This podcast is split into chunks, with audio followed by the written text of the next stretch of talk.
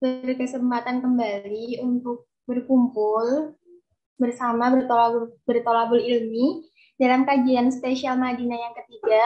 Mungkin teman-teman kemarin udah sempat ikut kajian spesial Madinah yang kedua juga ya, yang dengan judul Jangan Salahkan Jilbabku. Nah, kali ini kita akan uh, membahas fikih, fikih malah dengan judul Spektakuler Belanja Online 24.10 yang sangat-sangat menarik ya teman-teman semua dan sangat penting mengingat di bulan-bulan setiap bulannya tuh kita selalu ada diskon besar-besaran dan lain sebagainya yang membuat kita tergiur untuk ini ya untuk belanja di e-commerce kesayangan kita. Uh, sebelum kita mulai, uh, yuk kita posisikan diri sebaik-baiknya untuk menuntut ilmu. Langsung saja kita mulai ya teman-teman. Kita buka kajian kita sore hari ini dengan bacaan Bismillah bersama-sama. Bismillahirrahmanirrahim. Uh, salawat serta salam semoga selalu tercurah kepada junjungan kita Nabi Muhammad Wasallam. Uh, perkenalkan saya saya Mahdi yang insya Allah akan membersamai teman-teman semua dalam kajian sore hari ini sebagai Master of Ceremony. Uh, sebelum acara kita mulai, izinkan saya untuk membacakan susunan acara terlebih dahulu, yaitu pertama pembukaan, yang udah kita lakuin tadi, kedua tilawah Al-Quran, kemudian pembacaan data tertib, pemaparan materi oleh pemateri kita yang luar biasa, Ustazah Meti Astuti STI MEK, kemudian tanya jawab, doa bersama, pengumuman dan penutup. Nah, memasuki acara yang kedua yaitu tilawah Al-Qur'an. Boleh teman-teman buka mushafnya atau melihat pada uh, layar Zoom. Tilawah ini akan dibawakan oleh Mbak Devi kepada Mbak Devi. Waktu dan tempat kami persilahkan. Bisa dibuka untuk Anissa ayat 29. A'udzu billahi minasyaitonir rajim. Ya ayyuhalladzina amanu la ta'kulu amwalakum bainakum la ta'kulu amwalakum bainakum بالباطل إلا إلا أن تكون تجارة عن تراض منكم ولا تقتلوا أنفسكم إن الذي Inna Allah kana bikum rahima. Wahai orang-orang yang beriman, janganlah kamu saling memakan harta sesamamu dengan jalan yang batil atau tidak benar, kecuali dalam perdagangan yang berlaku atas dasar suka sama suka di antara kamu, dan janganlah kamu membunuh dirimu. Sungguh Allah Maha Penyayang kepadamu. Sadaqallahul Baik, Alhamdulillah. Uh, semoga terima kasih kepada Mbak Devi yang telah membacakan tilawah dan terjemahan. Semoga dengan bacaan Al-Quran tadi dapat membuat acara kita lancar dan berkah ya teman-teman. Kemudian acara selanjutnya yaitu pembacaan tata tertib. Izinkan saya membacakan tata tertibnya. Yang pertama, peserta hadir sebelum kajian dimulai. Kedua, memakai pakaian yang rapi dan menutup aurat. Mengubah nama akun Zoom dengan format nama underscore domisili dengan contoh Laila underscore Jakarta. Pada teman-teman yang belum, dipersilahkan untuk mengubah ya teman-teman. Kemudian, menyiapkan alat tulis atau notes untuk keperluan meresume materi kajian spesial, menjaga adab dalam bermajelis, mematikan suara atau mikrofon selama kelas berlangsung kecuali telah diizinkan untuk menyalakannya. Nah, ada selanjutnya ini pemaparan uh, Madinah, barangkali teman-teman ini ada yang belum tahu Madinah ini apa. Jadi Madinah itu majelis diniyah akhwat, panjangnya, tempat belajar khusus akhwat yang membahas tentang ilmu tauhid, dan bahasa Arab. Jadi setiap minggunya kita ada kajian ya teman-teman itu ada via WhatsApp grup, ada via Zoom atau Google Meet. Madinah ini adalah anak dakwah dari Rumah Ta'aruf Yogyakarta dengan pengasuh Umi Fakonah SAI. Kemudian slide selanjutnya mungkin.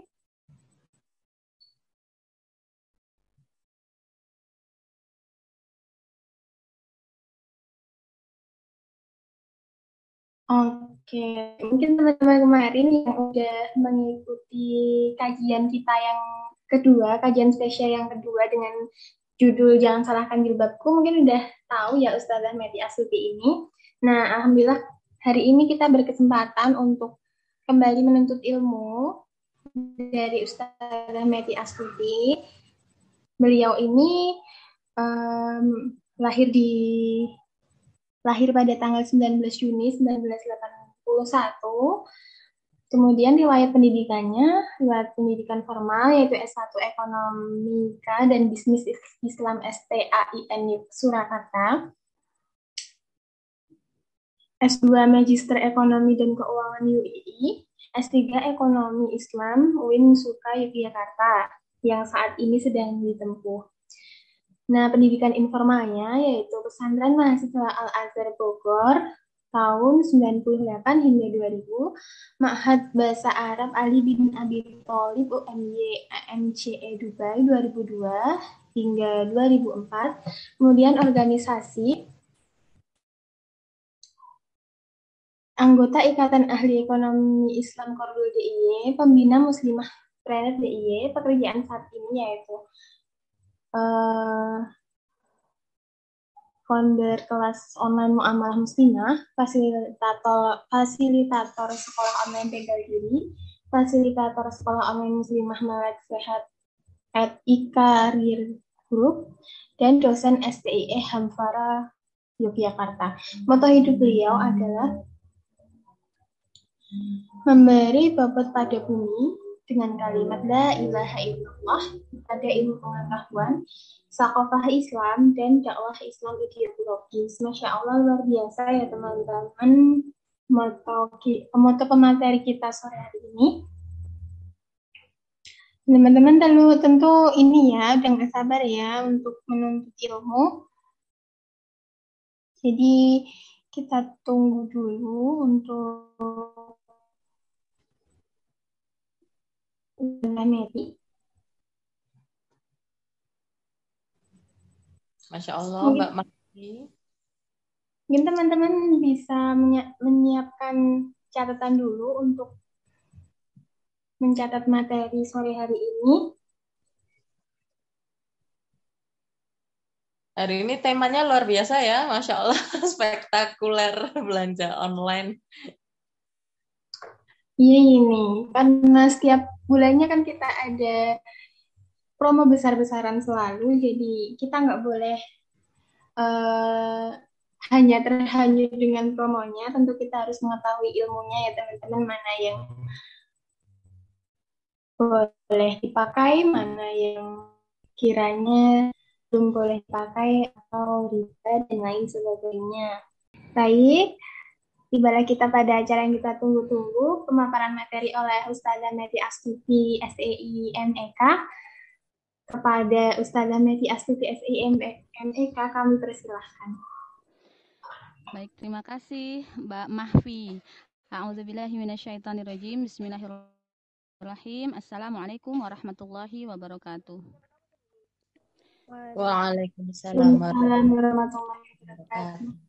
Alhamdulillahirrabbilalamin wa bihi nasta'in wa ala umuri dunya waddin wassalatu wassalamu ala asyrafil anbiya'i wal mursalin Sayyidina Muhammadin wa ala alihi wa ashabihi wa ummatihi ajma'in amma ba'du Alhamdulillah uh, berbahagia sekali pada sore ini uh, saya bisa ketemu lagi. Eh ketemu lagi ini yang pertama atau kayaknya Mbak Mahfi saya udah dua kali ketemu ya. Ya enggak sih? Iya, Us. Oh iya. Iya, Us. Yang kedua. iya, masya Allah. Berarti alhamdulillah jumpa lagi ya. Alhamdulillah dipanjangkan umurnya oleh Allah untuk senantiasa sama-sama menuntut ilmu. Uh, mohon maaf tadi agak terlambat sedikit karena koneksi internetnya butuh perhatian lebih. alhamdulillah, uh, syukurillah pada sore ini uh, saya mau bahas satu tema yang uh, mungkin sangat relate ya dengan keseharian kita di era disrupsi, era uh, disrupsi atau di era industri 4.0 bahkan mungkin kalau di Jepang sudah dibilang 5.0 era internet on things di mana semua hal uh, kayaknya nggak nggak afdol kalau tidak diinternetisasi begitu ya. Sehingga penting bagi kita uh, muslimah untuk memahami bagaimana sih sebenarnya lika-liku uh, aktivitas online terutama yang berhubungan dengan muamalah iktisodiyah atau aktivitas ekonomi secara online. Nanti ini saya akan kasih gambaran secara uh, mungkin enggak enggak sedetail yang yang uh, uh, nanti kita lihat lah ya seberapa ini nanti kalau ada sesuatu yang dirasa belum tercakup dari materi yang saya sampaikan teman-teman bisa uh, kita bisa mengelaborasinya di sesi tanya jawab. Baik, uh, kita mulai bahas pertama tentang e-commerce terlebih dahulu ya, yaitu perniagaan elektronik. Uh, dia merupakan bagian dari e-business, yaitu segala bentuk transaksi perdagangan barang atau jasa yang menggunakan media elektronik ya. Jadi uh, era sekarang sudah gitu ya. Jadi kita nggak perlu lagi punya showroom tersendiri nggak perlu lagi datang ke toko secara physically kita kunjungin tetapi kita cukup melang-lang buana di marketplace marketplace itu. Kita sudah bisa membandingkan satu harga dengan harga lainnya dengan display yang cukup bermodalkan foto aja gitu ya. Jadi nggak perlu lagi ada barang yang benar-benar di stock begitu jadi pihak-pihak yang terlibat tentu saja ada konsumen. Sebagai end user nih kita biasanya jadi end user atau ada manufaktur ada manufaktur jadi uh, pabrik pabrik yang mengeluarkan barang dan jasa mungkin kalau kita supplier supplier begitu ya ada service provider tempat kita uh, apa namanya bergantung pada koneksi internetnya uh, ada perdagangan perantara dan yaitu intermediaris yang ini kita sebut sebagai marketplace-nya dan ada uh, komputer network-nya. Nah, eh, beberapa usaha terkait e-commerce cakupannya ada macam-macam ya. Yang pertama marketplace ini yang paling saya rasa ini yang paling terkenal kali ya.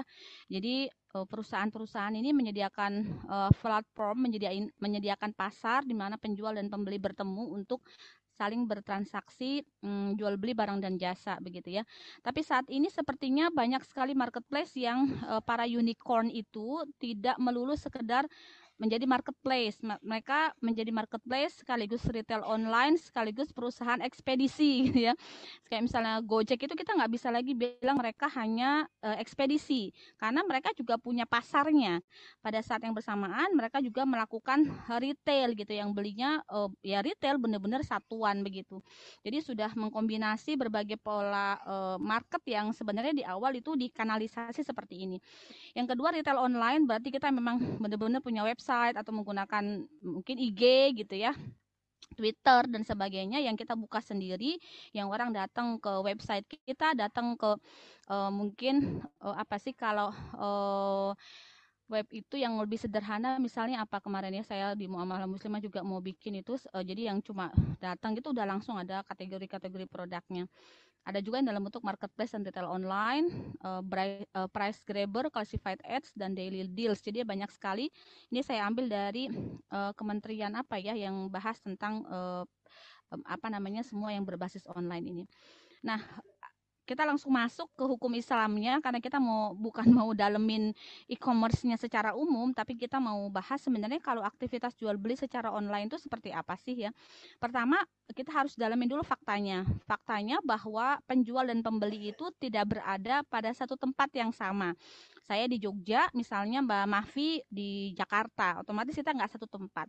Padahal eh, para ulama di banyak kitab fikih mengatakan bahwa yang disebut satu majelis akad itu adalah satu tempat. Tetapi alhamdulillahnya begitu ya ulama juga memahami bahwa yang disebut dengan satu majelis akad itu tidak hanya tempatnya yang satu, tapi boleh juga waktunya yang satu. Jadi dalam satu satuan waktu real time. Jadi kalau misalnya saya di Indonesia e, mau menikahkan anak saya yang ikhwannya ada di Amerika, selama dalam majelis ini kami terkoneksi secara real time ya. Jadi akadnya misalnya suami saya di Indonesia uh, menjadi wali menikahkan uh, anak seperempuan saya yang ikhwannya ada di Amerika itu tetap disebut sebagai satu majelis akad selama tidak terpotong ya akadnya jadi tidak uh, apa namanya tidak mukat ini ya istilah akadnya tidak terpotong yang benar-benar tidak ada jeda antara uh, ijab dengan uh, kobulnya begitu. Yang kedua uh, fisiknya, fisik barangnya. Kalau tadi dari sisi majelis akadnya, jadi banyak uh, apa namanya perkara-perkara kritis yang perlu kita bahas. Pertama adalah dari sisi uh, majlis akad. Majlis akad berarti real time itu sudah memenuhi satu majlis akad. Karena nanti kalau majlis akadnya tidak satu, akad jual belinya tidak sah. Misalnya saya menawarkan melalui uh, eh, WA di grup gitu ya. Siapa mau beli uh, barang saya gitu. Lalu Mbak Mahfi baru jawab satu jam setelah saya menawarkan. Itu kan secara real time tidak sama. Ya, jadi itu sebenarnya majlis akadnya munkoti terpisah maka eh, jawaban Mbak Mahfi itu tidak bisa dianggap satu majlis akad. Jadi saya harus menawarkan ulang dan Mbak Mahfi menjawabnya di real time yang sama, maka itu baru terjadi satu majlis akad begitu ya. Karena kan nanti setelah saya nawarin ada orang ngomong A, ngomong B, ada teman nimpalin sehingga itu ada jeda. Eh, ada jeda waktu eh, dalam majlis akad tersebut. Maka nanti kita perlu perhatikan media online apa yang kita gunakan untuk bertransaksi, maka dimensi media online itulah yang menjadi ukuran satu majelis akadnya secara waktu gitu ya. Nanti kita bisa bahas ya. Misalnya teman-teman kalau penawarannya dalam bentuk email us bagaimana atau fax gitu ya atau misalnya penawarannya dalam bentuk tadi di marketplace gitu ya. Di marketplace yang mereka pasang itu foto-foto lalu kita uh, kita beli, kita masukin ke keranjang kita, apakah itu satu majlis akad atau tidak gitu.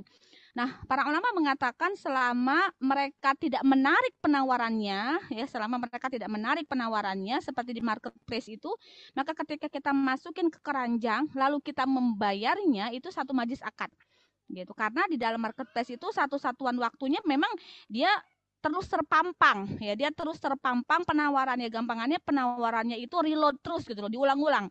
Ya kan selama dia tidak menarik penawarannya tidak mengubah harganya uh, ada kan kadang kuantiti harus diupdate gitu ya berapa jumlahnya selama itu dalam konteks yang pasti uh, tidak ada perubahan sama sekali. Maka ketika kita membayar atau kalau COD berarti ketika kita mengklik untuk dibayar di tempat masal itu berarti sudah satu majlis akad terjadi transaksi ijab dan kabul tapi nanti mengenai uh, hukum COD nanti kita bahas belakangan ya itu satu majlis akad dulu. Yang kedua, fisik barang. Ya, jadi fisik barangnya e, tidak pada satu tempat.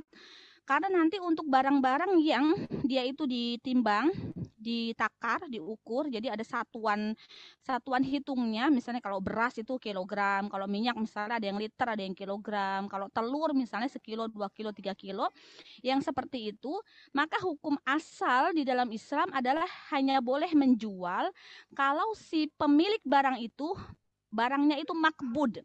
Barangnya itu ada di tangan, ada dalam penguasaan Jadi kalau barangnya tidak di stok untuk uh, kategorisasi barang yang ditimbang, ditakar dan dihitung itu tidak boleh dijual.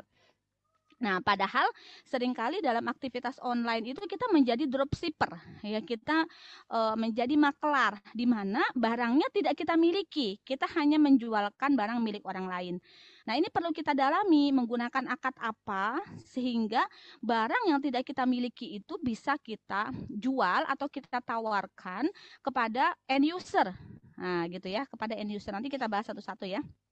Nah, yang ketiga, titik kritis berikutnya selain barangnya perlu di stok atau tidak, yang ketiga adalah pembayarannya. Nah, ada yang pembayaran dilakukan di muka, sehingga dikatakan ijab kabul sah kalau dibayar. Ada yang pembayaran dilakukan di belakang. Yang akad sahnya itu adalah hmm, ketika misalnya sudah diorder. Nah, nanti kita harus paham bahwa di dalam aktivitas jual beli e, boleh saja barang duluan atau barang belakangan. Tetapi harus ada yang duluan, entah itu uangnya atau barangnya. Tidak boleh sama-sama belakangan. Ngerti maksudnya sama-sama belakangan itu sudahlah barangnya belum datang, juga belum dibayar. Nah, ini nanti menjadi kritis pada aktivitas COD karena COD itu kan barang belakangan, uang juga belakangan. Padahal ijab kabulnya itu sudah dilakukan di depan. Ya kan? Nah, maka nanti pada aktivitas COD orang-orang yang beraktivitas itu harus paham bahwa ketika mereka mengorder barang itu baru janji mengorder. Nah, karena kalau itu sudah dipastikan sebagai sebuah akad menjadi haram karena mereka belum dapat barangnya dan juga belum bayar uangnya. Tidak boleh dua-duanya sama-sama belakangan begitu. Jadi harus salah satunya ada yang duluan. Nah, maka Mohon Iya, boleh. Mohon maaf, uh, suaranya tadi apa rada kecil, jadi mungkin bisa di. Oh, sorry, sorry, sorry, mohon maaf. Ini sudah terbesar. Uh, speakernya tadi kayaknya agak jauh dari ini saya ya. Iya iya sudah. Sudah ya. terdengar ya. Uh, ya mohon maaf. Ini, ini saya baru highlight sih. Insya Allah nanti satu-satu kita akan bahas ya.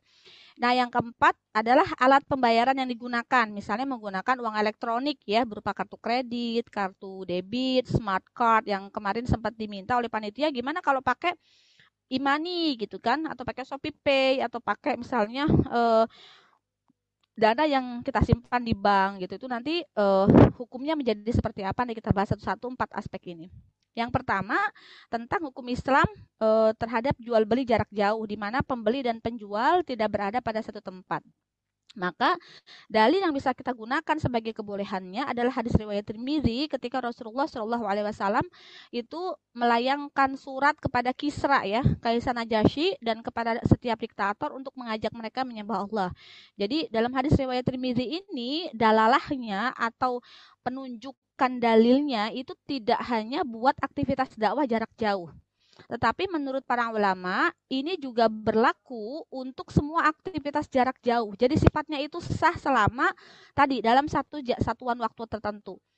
Jadi seruan kepada Allah dari jarak jauh itu sama dengan seruan seseorang pada jarak yang sama. Tetap dianggap sebagai tablik ya, eh, sebagai sebuah penyampaian. Kalau di dalam aktivitas jual beli berarti sebagai sebuah tawaran, sebagai sebuah ijab gitu ya, dan dapat dijadikan sebagai hujah atau dalil begitu. Jadi jual beli jarak jauh yang online itu kan otomatis jarak jauh ya. Makanya kenapa kita bisa bisa menjangkau uh, sampai ke luar negeri abroad itu karena uh, jaraknya kita minimalisasi dengan aktivitas online tadi. Maka jual beli jarak jauh ini uh, tetap sah selama memenuhi rukun dan syarat dalam aktivitas jual beli biasa. Kenapa? Karena di dalam Islam komunikasi jarak jauh itu dianggap sah sebagaimana ketika tadi akad nikah yang dilakukan jarak jauh selama ada satu satuan waktu yang sama. Jadi kalau kita tidak bisa membuat majelis itu tempatnya sama, maka pilihan kedua majelis itu waktunya yang sama gitu ya, waktunya yang sama. Maksudnya waktu itu bukan berarti kalau di sini jam 10 di sana harus jam 10, tapi bahwa dalam real time yang sama, mereka terkoneksi pada waktu bersamaan. Jadi kayak saya ngomong gini, teman-teman bisa mendengarkan, maka aktivitas dakwah saya sah. Walaupun kita semua tidak berada pada satu majelis yang sama. Tidak dapat dikatakan, oh itu nggak sah dakwahnya. Itu bid'ah dakwahnya. Dakwah kok orangnya nggak di tempat gitu ya. Memang benar yang paling maksimal itu adalah talaki. Di mana kita mendengar dan penjelasan dari guru secara langsung bertemu dalam satu majelis. Akan tetapi bukan berarti kalau tidak talaki lalu jadi tidak boleh.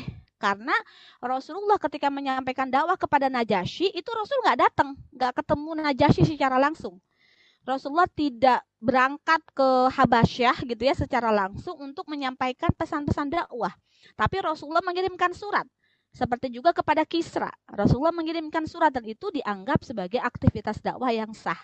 Maka kalau dakwah itu sah, secara umum dalalah ini juga dapat berlaku buat muamalah yang lain buat aktivitas interaksi kemanusiaan yang lain termasuk muamalah iktisodiyah gitu ya maksudnya ya. Sehingga memang ketika kita membahas satu dalil tidak bisa dalil ini hanya untuk satu aktivitas yang disebutkan dalam dalil tersebut. Tetapi dia juga berlaku untuk aktivitas lain yang konteksnya sama yaitu dilakukan secara jarak jauh di mana majelisnya atau tempat akadnya itu tidak sama. Tapi yang sama adalah satuan waktunya begitu ya. Kayak kalau surat itu kan satuan waktunya adalah ketika dia sampai. Maka ketika pesan atau ijab itu disampaikan dan si orang yang membaca surat itu merespon itulah satuan waktu yang samanya begitu ya itu makanya uh, yang disebut dengan satu satuan waktu yang sama Nah, apa rukun jual beli yang harus dipenuhi dalam aktivitas jual beli jarak jauh itu?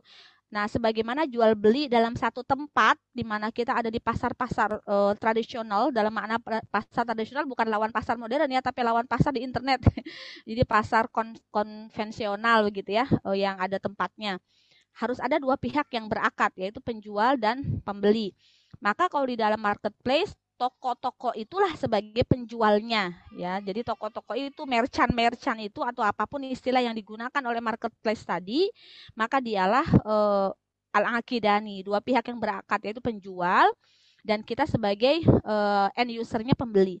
Ustazah bagaimana kalau mesin penjual otomatis. Nah, seperti di bandara, di stasiun, kita tinggal masukin uang lalu keluar barang.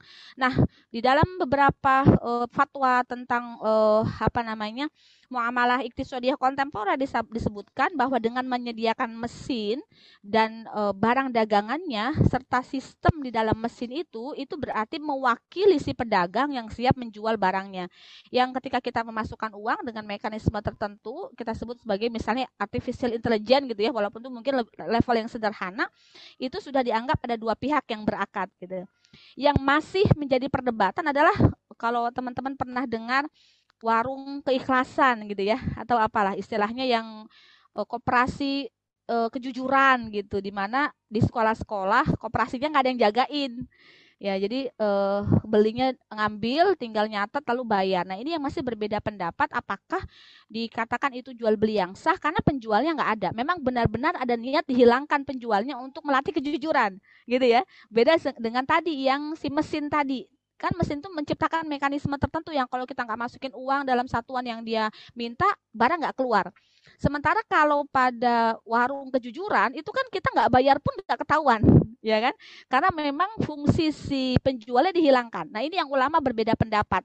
Saya mengambil pendapat yang uh, tidak boleh Kenapa? Karena ini motifnya beda dengan mesin-mesin penjual otomatis tadi gitu ya yang memang sudah ada sistem yang dibuat tidak mungkin tidak dibayar gitu. Nggak akan mungkin tuh barang keluar kalau kita nggak masukin satuan uang tertentu begitu ya. Tetapi kalau e, warung kejujuran tadi kan kita ngambil begitu aja kan e, bisa gitu ya karena memang di situ yang diuji adalah kejujuran kita. Nah, ini yang tidak tepat karena berarti si penjualnya dihilangkan.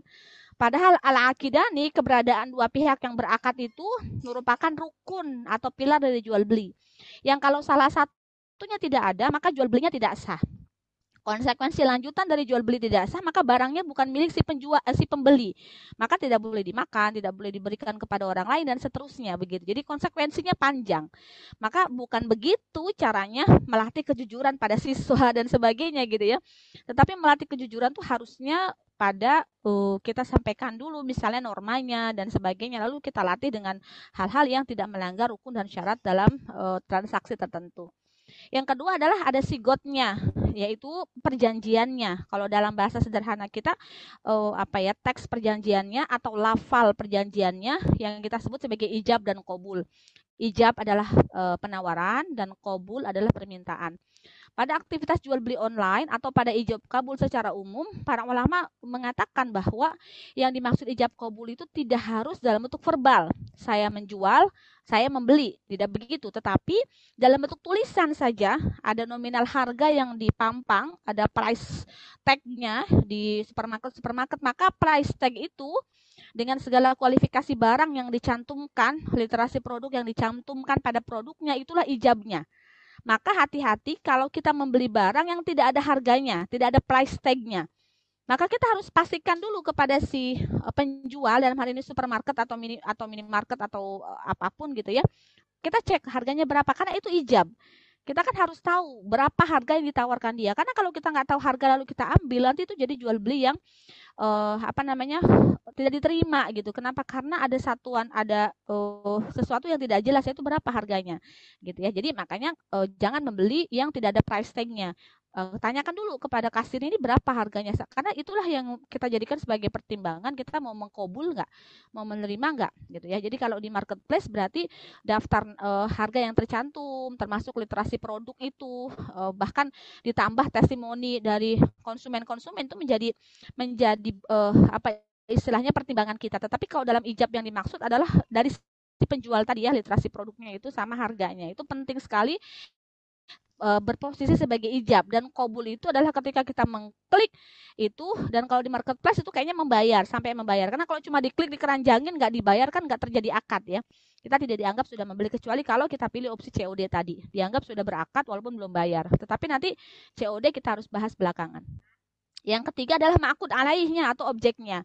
Maka objeknya adalah apa? Jasa atau barang dagangannya. Nah ini yang nanti kita bahas. Barang dagangannya ini situasinya boleh nggak kalau nggak dipegang si penjual. Jadi uh, penjual nggak ada di stok gitu ya. Nawarin tapi barangnya nggak ada di rumah dia, nggak dalam penguasaan dia. Maka kita bahas ya uh, rukun dan syarat jual beli. Pertama adalah al-akidani. Dua pihak yang berjual beli pertama dia akil, berakal. Berarti kalau orang gila nggak sah jual belinya. Kalau dia jual belinya dalam keadaan pingsan, dalam keadaan tidur, nah nggak sah gitu ya. Yang kedua mumayyiz, jadi minimal berusia 7 tahun. Maka jangan suruh anak di bawah 7 tahun untuk beli terasi ke toko sebelah, untuk beli garam ke toko sebelah tidak sah. Harus mumayyiz. Hmm, memang bukan angka tujuh tahunnya, tetapi dia paham transaksi atau akad yang sedang dijalankan begitu ya. Ada ada kalanya di beberapa daerah misalnya enam tahun itu sudah sangat dewasa, sudah bang, sangat paham karena orang tuanya telah mendidik nominal uang misalnya. Ada yang sampai sembilan tahun dia belum kenal uang, uang seribuan dengan seratus ribu dia nggak bisa beda maka itu belum tamis, belum boleh melakukan transaksi. Kalau sudah terlanjur transaksinya tidak sah, batal, berarti barangnya juga tidak boleh dimiliki, harus didatangkan lagi kepada si penjual dan diakad ulang gitu ya karena tidak boleh e, kalau dia tidak minimal memayis tadi. Yang ketiga mukhtar. Jadi dia membelinya dalam keadaan e, bebas memilih bukan dipaksa bukan diintimidasi seperti kasus-kasus misalnya e, penggusuran di mana mau tidak mau tanahnya harus dijual dengan intimidasi dan sebagainya itu tidak boleh di dalam Islam. Jadi orang itu punya pilihan, saya mau menjual barang saya atau tidak, tidak boleh ada paksaan gitu ya. E, ada sih satu kasus misalnya demi kemaslahatan umum kalau memang dengan pertimbangan negara tetapi itu pun harus sangat hati-hati untuk menerapkan kaidah itu nggak bisa hanya gara-gara negara mau bangun pasar atau apa gitu ya lalu kita memaksa seseorang untuk memindah tangankan barang milik pribadinya bahkan di masa Umar bin Khattab ada seorang Yahudi yang tanahnya disita e, secara paksa oleh negara untuk perluasan masjid, uh, tetapi orang Yahudi itu nggak rela gitu. Uh, dia mengadu kepada Umar sebagai khalifah saat itu, dan Umar uh, mengancam gubernur Mesir saat itu Amr bin As untuk segera mengembalikan atau Umar akan menindaknya dengan tindakan yang sangat tegas berupa uh, hukuman kematian bagi uh, apa namanya Amr bin As. Lalu dikembalikanlah tanah itu sampai si Yahudinya ridho. Malah itu membuat si Yahudi tadi masuk Islam melihat keadilan dalam sistem Islam begitu. Itu menggambarkan bahwa seorang membeli barang itu harus dalam keadaan eh, menjual maupun membeli harus dalam keadaan dia sebagai seorang yang mukhtar gitu. Jadi punya pilihan untuk e, meneruskan pembelian, membatalkan pembelian, e, mau membeli atau menjual, nggak ada paksaan sama sekali. Ada kalanya kita kayak kerasa kayak didorong gitu untuk membeli dengan mekanisme tertentu sehingga kita nggak punya opsi untuk apa namanya membatalkan kan ada ya yang barang dipegang berarti membeli yang gitu-gitu tuh suka aneh-aneh itu nggak boleh. Jadi kalau kita memang selama belum ada akad kita membatalkan nggak apa-apa boleh saja begitu ya. Yang kedua dari barangnya. Uh, barangnya pertama dia harus suci bukan najis maka misalnya menjual uh, pupuk kandang ini harus hati-hati kalau belum berubah secara kimiawi dari kotoran sapi atau kotoran kambingnya e, menjadi sesuatu yang berbeda bukan lagi dikenali sebagai kotoran kambing dan sapi tetapi sudah berubah secara kimiawi sebagai pupuk kandang itu boleh dijual. Tetapi masih dalam bentuk e, kotoran sapi yang basah masih dalam bentuk kotoran kambing yang basah itu tidak boleh dijual. Kenapa? Karena yang dijual najis. Barangnya padahal harus suci begitu ya. Yang keempat dimanfaatkan. Jadi manfaatnya sesuatu yang real. Hmm, saya pernah dapat skripsi di UIN jual beli tuyul. Itu tidak boleh haram. Kenapa? Karena e, tidak jelas manfaatnya dan bahkan barangnya saja belum tentu ada gitu. Itu kan dalam e, sungguh sungguh sangat dipertanyakan gitu. Bagaimana membuktikan kalau dia sudah menyerah terimakan tuyulnya kepada kita dan apa manfaatnya? Dan apakah benar tuyul itu ada? Kan juga nggak jelas. Tapi itu dijadiin bahan skripsi gitu. Buat saya menarik gitu perlu dibaca isinya apa sih gitu tapi kalaupun misalnya itu ada itu tidak tidak tidak sah gitu ya e, karena e, tuyul itu bukan fakta atau objek yang dapat diperjualbelikan karena dia benda goib yang kita juga nggak bisa memastikan apakah benar-benar ada atau tidak yang ketiga syarat dari objek akad itu sah diperjualbelikan adalah harus milik dari orang yang berakad. Berarti kalau dia dalam hal ini penjual, memang harus milik si penjual. Secara umum hukum asalnya begitu. Tetapi ada kalanya orang menjual itu barang bukan miliknya. Kalau posisi dia sebagai makelar, nah, makelar itu kan perantara untuk menjualkan barang milik orang lain. Berarti boleh nggak menjualkan barang milik orang lain? Oh boleh, tapi akadnya adalah makelar. Jadi dia adalah mutawasid, orang tengah-tengah antara penjual dengan pembeli. Orang yang mempromosikan dagangan milik orang lain dan dia mendapatkan sukses fee dari hasil jual belinya. Itu boleh gitu ya.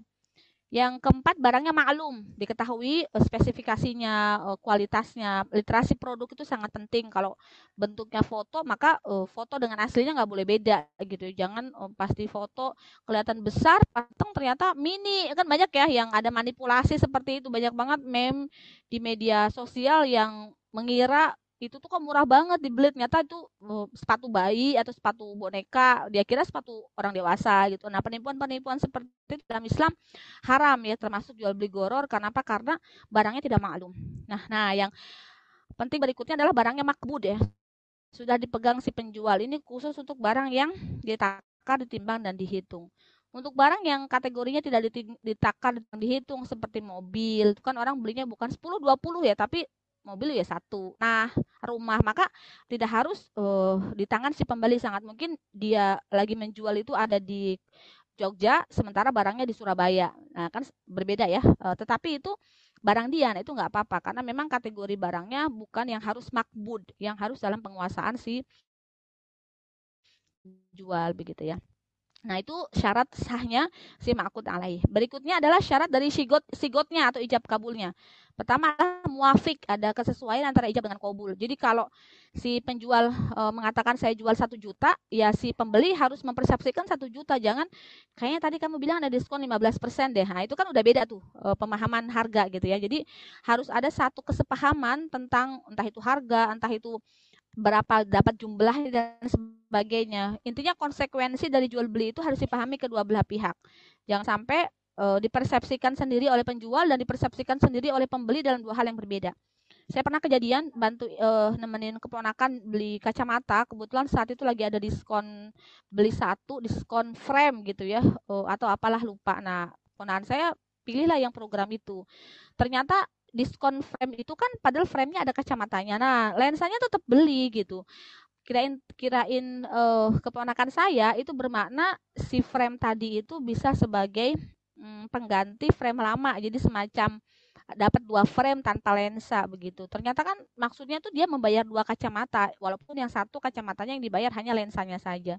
Tapi kan jadi mahal sekali akhirnya. Jadi seperti dalam tanda petik dipaksa membeli dua kacamata. Saya datang dong ke optika, saya bilang, ini maksudnya apa? E, ponakan saya ini membeli e, satu gratis satu, maksudnya membeli kacamata dengan program itu dapat gratis e, tetapi kenapa frame-nya diberi lensa dan kita harus membayar lensanya?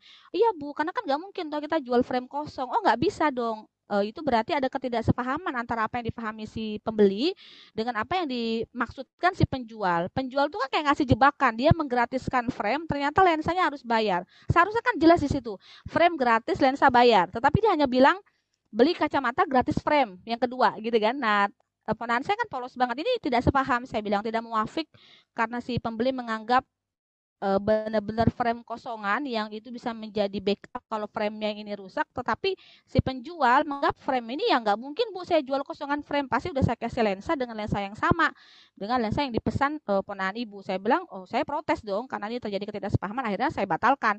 Pembeliannya saya beli produk lain yang tidak perlu ada promo seperti itu. Nah itu contoh kasus tidak muafik gitu ya. Jadi kadang-kadang ada promo-promo yang menjebak gitu yang si penjual itu memang menginginkan ada tafsiran-tafsiran uh, yang membuat si pembeli seperti ingin membeli barang tersebut tetapi ternyata konsekuensi yang dipahami si pembeli tidak sama dengan yang dipahami si penjual.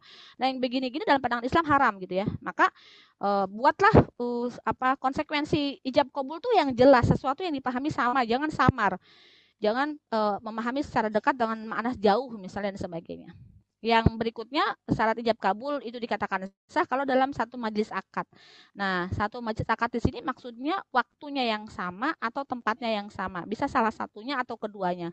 Tapi nggak boleh nggak ada sama sekali keduanya begitu ya. Dan ketika melakukan aktivitas uh, jual beli ini tidak boleh ada fasil atau ada uh, pemisah antara ijab dengan kabul.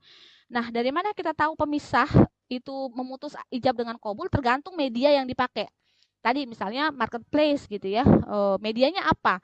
Marketplace itu selama tadi pang ijabnya itu di situ dia terus sebut memang toko-tokonya itu ada di situ. Berarti kalau tokonya lagi tutup kita udah klik kan nggak bisa diproses tuh. Nah itu udah benar. Berarti ketika tokonya buka proses.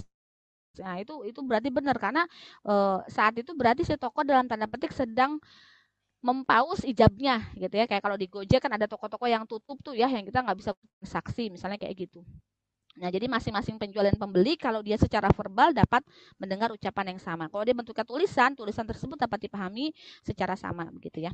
Nah, e, jual beli dikatakan sah jika e, pernyataan kabul atau menerima disampaikan sebelum pernyataan ijab dari mujib itu e, ditarik.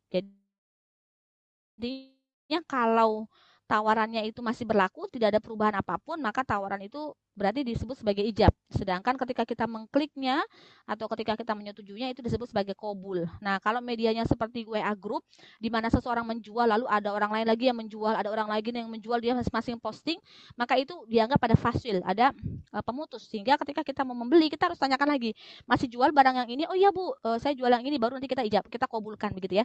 Jadi itu proses ijab kobulnya harus diulang karena saat dia menawarkan itu ada uh, distru ada apa namanya uh, interupsi gitu ya dari penjual-penjual lain menggunakan media yang sama.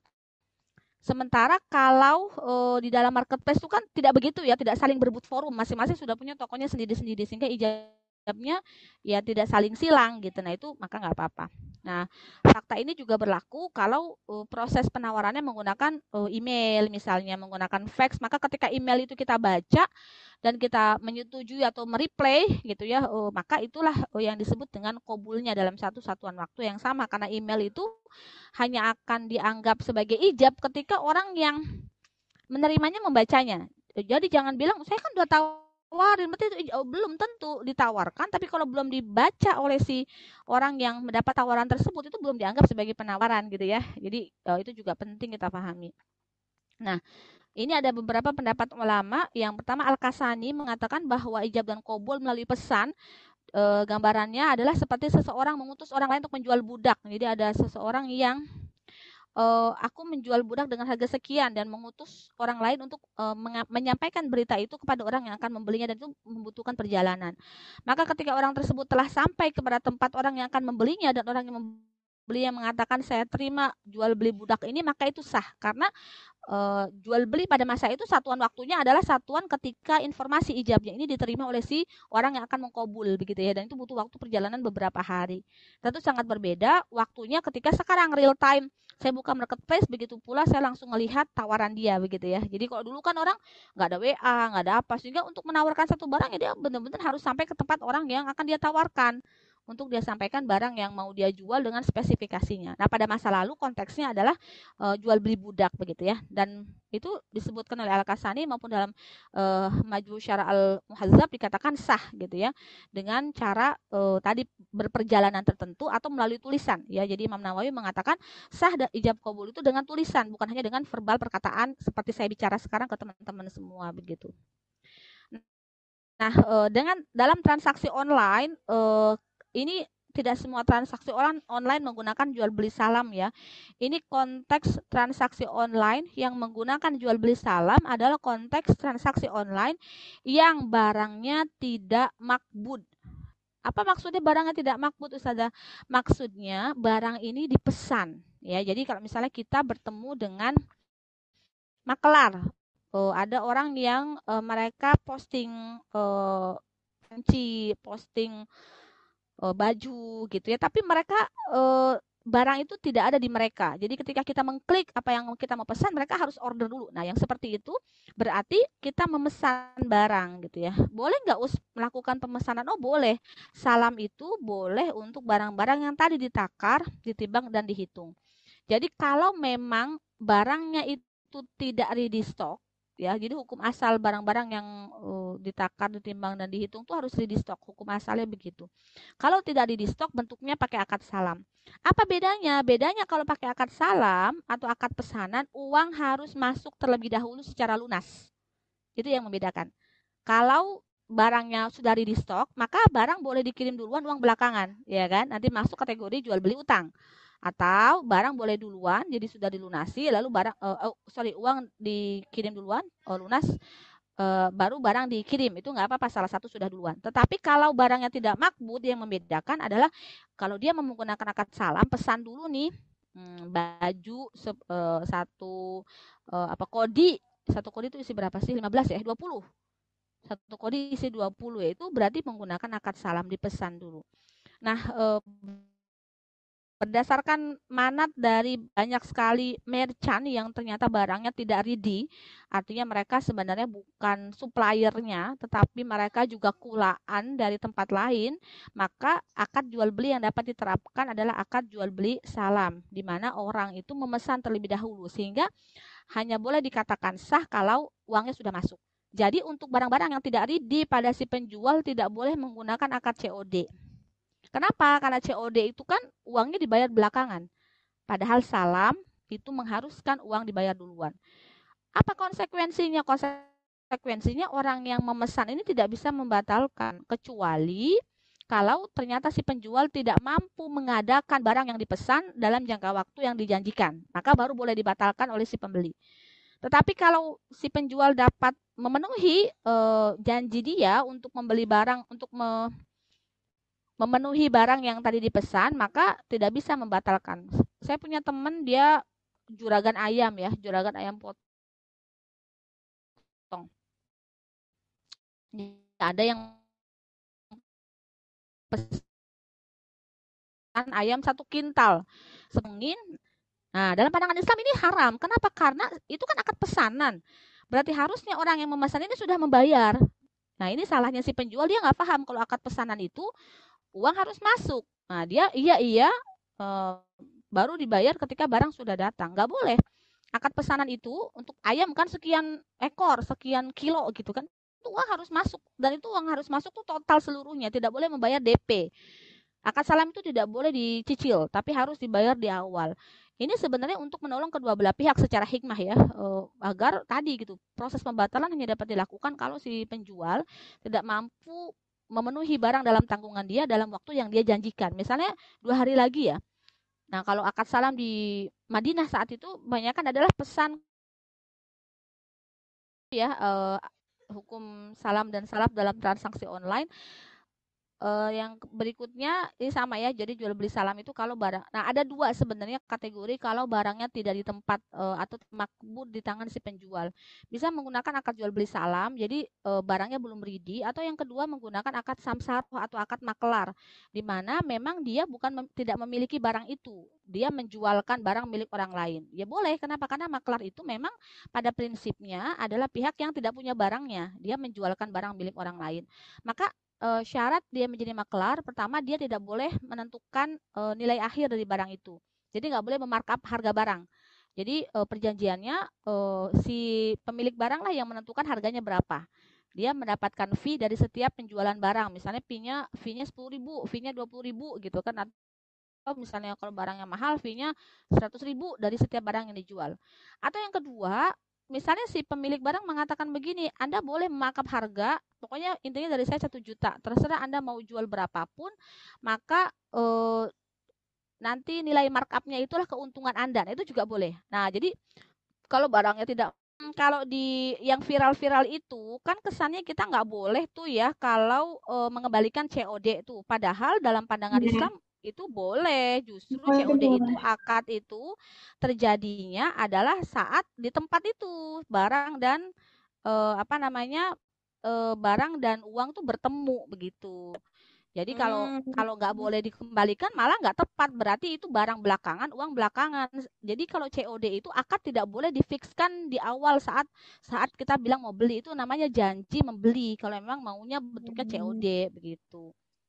Hmm, tadi ya, begitu. ya sam uh, uh, sampai kepada akad salam ya. Berarti untuk uh, untuk benda-benda yang makbut, kalau memang dia belum ready stock bisa menggunakan akad salam atau bisa menggunakan akad samsaroh. Berarti dia memang bukan pemilik barang gitu. Hmm. Tapi secara umum e, kalau tidak menggunakan akad salam dengan konsekuensi uang di depan, maka e, misalnya mau jual beli kredit dan sebagainya itu harus e, barangnya harus ada. Itu untuk yang makbut gitu ya. Jadi kalau nanti kita e, kita jualin barang milik orang, maka ya nggak boleh juga e, apa namanya e, dibikin salam gitu. Pesen eh dibikin salam sorry nggak boleh juga dikreditin. Karena kan itu sebenarnya barangnya bukan milik kita gitu. Kebayang maksudnya ya? Kita jualin milik orang tapi dikreditin. Kalau menggunakan salam kan harusnya udah dibayar di muka gitu. Tapi nanti oh. mungkin bisa didiskusikan di sesi tanya jawab ya. Saya uh, bahas dulu deposit imani. Uh, kalau tadi kan sudah uh, barangnya sudah uh, waktunya sudah ya majlis akadnya sudah sekarang alat bayarnya Nah, ini imaninya juga seru banget nih bahasnya ya. Jadi para ulama berbeda pendapat tentang imaninya e, atau uang yang kita gunakan sebagai alat bayar. Rata-rata kan bentuknya kalau bukan COD itu kan kita mendebit secara otomatis dari imani yang kita punya. Baik e, imaninya tersebut e, disimpan di bank berarti kita bayar melalui bank-bank yang udah dipilih di situ atau imaninya itu melalui e-wallet yang sudah mereka siapin kayak kalau Shopee punya Shopee Pay, Grab punya OVO, terus eh, Gojek punya GoPay gitu ya, uh, Tokopedia itu punya apa Tokopedia Bukalapak gitu ya. Mereka bisa kasih pilihan tuh macam-macam gitu ya. Nah, di dalam pandangan beberapa ulama ada yang mengatakan bahwa imani yang kita gunakan itu atau imani yang kita simpan di e-wallet itu bisa disebut sebagai wadiah. Ada yang mengatakan akadnya wadiah nih yang tepat. Maka nanti konsekuensinya menggunakan rukun syarat wadiah. Ada yang mengatakan, oh bukan wadiah, deposit uang di e-wallet yang kita masukin itu disebut sebagai ijaroh al-mausufah fi azimah, yaitu upah yang kita bayar di muka. Nah, jadi memang itu peruntukannya buat upahnya, upah ekspedisinya, begitu ya, itu kata sebagian ulama. Ada ulama mengatakan, oh enggak, fakta dari imani yang kita masukin ke e-wallet yang sudah tersedia itu atau ke bank yang tersedia itu masuk kategori cord atau utang gitu. Nah, mana yang lebih uh, roji, lebih kuat? Mari kita bahas. Pertama, kalau dia wadiah ya, berarti kita pandang dia sebagai titipan.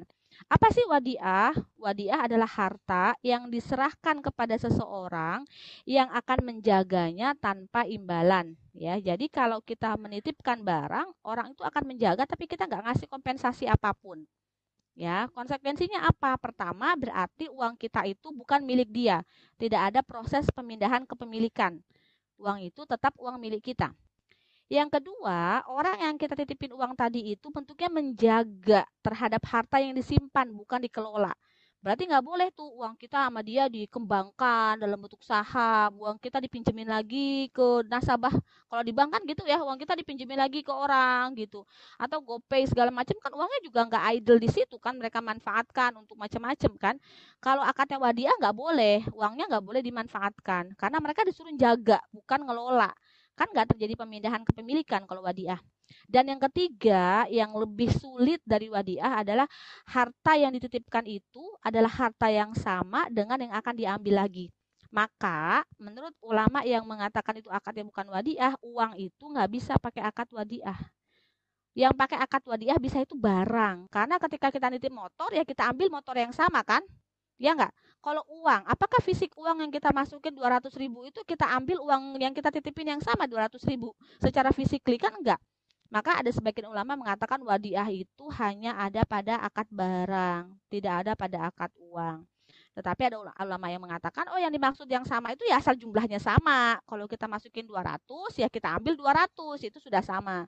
Nanti monggo teman-teman mau ambil yang mana. Tetapi ini sulit kalau disebut sebagai akad wadiah karena uang yang kita masukin ke e-wallet itu sama mereka dipakai dulu, nggak disimpan gitu aja. Buat apa uangnya di idle di situ kan mereka rugi dong. Uang ternyata imani itu salah satu dana yang sangat besar yang selama ini dapat termanfaatkan oleh para penyelenggara e-wallet itu kok jadi salah satu sumber pendanaan yang sangat lezat dan bergizi gitu ya dibandingkan kita nabung ke bank rata-rata imani itu lebih cepat, cepat nariknya gitu lebih cepat dapat gedenya karena orang dari sekian juta pengguna Gojek satu orang 100 ribu aja udah berapa gitu. Padahal kalau bank kan uh, orang nggak nggak semua bank able gitu nggunain bank. Tapi kalau uh, di mungkin orang punya OVO tapi orang belum tentu punya rekening di BSI atau di BCA misalnya gitu. Jadi uh, tidak tepat kalau apa yang kita masukin ke e-wallet itu disebut wadiah. Ini uh, tarjih pertama. Yang kedua, apakah benar itu adalah sebagai ijarah mausufah fi azimah atau upah yang kita dahulukan. Jadi itu pokoknya peruntukannya buat upah deh. Nanti kan saya mau beli barang tuh, nanti kan pasti ada ekspedisi buat upah. Apa sih ijaroh itu? Ijaroh adalah akad atas manfaat dengan kompensasi atau iwat. Jadi ada orang ngantar barang, kita upah. Itu namanya ijaroh. Jadi objek akadnya apa? Objek akadnya manfaat yang dia kasih ke kita dan kita ngasih upah. Sekarang pertanyaannya, ketika kita masukin uang ke imani, apakah sudah kita tentukan kita akan membeli apa dan akan mengupah siapa? Sudah tentukah berapa upahnya, ya kan? Nah, kalau manfaatnya saja belum ditentukan, belum maklum, berarti kan ujrohnya, upahnya juga belum tentu. Kalau upahnya belum tentu, upahnya belum maklum, berarti manfaat dan upahnya belum ada. Kalau manfaat dan upahnya itu belum ada, maka itu bukan ijarah mausufah fi azimah gitu. Kebayang nggak maksudnya? maka tidak tepat kalau uh, karena nggak ada objeknya kan berarti kalau uh, nitip uang di bank di Shopee Pay di GoPay dan OVO itu dianggap sebagai ijarah mausufah fi azimah. Yang tepat adalah kord, dia akad utang. Kenapa dia disebut akad utang? Karena kord itu adalah harta yang Anda berikan kepada orang lain yang orang lain itu diminta untuk mengembalikan kepada Anda semisal yang kita berikan. Nah, konsekuensinya beda sama wadiah. Kalau pada court terjadi pemindahan kepemilikan, uang itu jadi milik dia karena kita pinjemin kan. Nah, kalau udah jadi milik dia, boleh nggak dimanfaatkan sama orang yang kita pinjemin uang? Boleh, boleh dimanfaatkan. Tapi harus dikembalikan semisal. Maka oh, deposit imani kita di berbagai e-wallet itu atau di rekening itu lebih tepat disebut sebagai court. Kalau dia sebagai court, maka ada konsekuensi, berarti tidak boleh ada manfaat atas uh, court tadi gitu. Jadi Eh, setiap manfaat ya dari core itu adalah riba. Maka kalau kita bayarnya pakai e-money, ya nggak boleh kita dapat diskon, dapat cashback, dapat free ongkir. Kalau ke semua promo itu mensyaratkan pembayarannya pakai e-money. Tetapi kalau promo itu berlaku umum bagi alat bayar apa pun, kita memang lagi gebiar 10-10 gitu ya lagi ada misalnya uh, uh, uh, hari diskon sedunia sehingga semua lagi dapat diskon nggak apa-apa mau bayar pakai imoni atau kita mau bayar langsung di tempat pakai sistem COD yang akadnya terjadi di tempat itu boleh kita ambil berbagai promo itu. Tapi kalau dia mensyaratkan harus membayar pakai imoni baru kita dapetin berbagai promo tadi itu haram hukumnya karena setiap manfaat atas court itu hukumnya jadi riba nasiah. Nah, itu konsekuensinya kalau kita memandang bahwa deposit imani kita adalah court gitu ya. Itu tadi tentang court. Bagaimana kalau uh, bukan menggunakan e-wallet yang ada di uh, marketplace itu tapi rekening di bank. Jadi saya punya uang di BSI Lalu saya bayarnya pakai debit, jadi saya e, masukin kode yang suruh salin gitu kan. Terus entah itu pakai metode bayar lalu ke multi uh, uh, multi payment atau macam-macam lah ya kan tergantung di si si mobile banking atau internet bankingnya itu e, bagaimana persyaratannya maka hukumnya halal juga ini sah namanya pemindahan utang. Apa sih yang dimaksud pemindahan utang itu? Yang dimaksud pemindahan utang kita itu kan ke si bank utangin ya ada uang kita tuh di si bahasa gampangnya gitu ya. Lalu kita bilang sama bang, bang, bang, kamu kan punya utang ke saya nih, alias saya punya piutang ke kamu.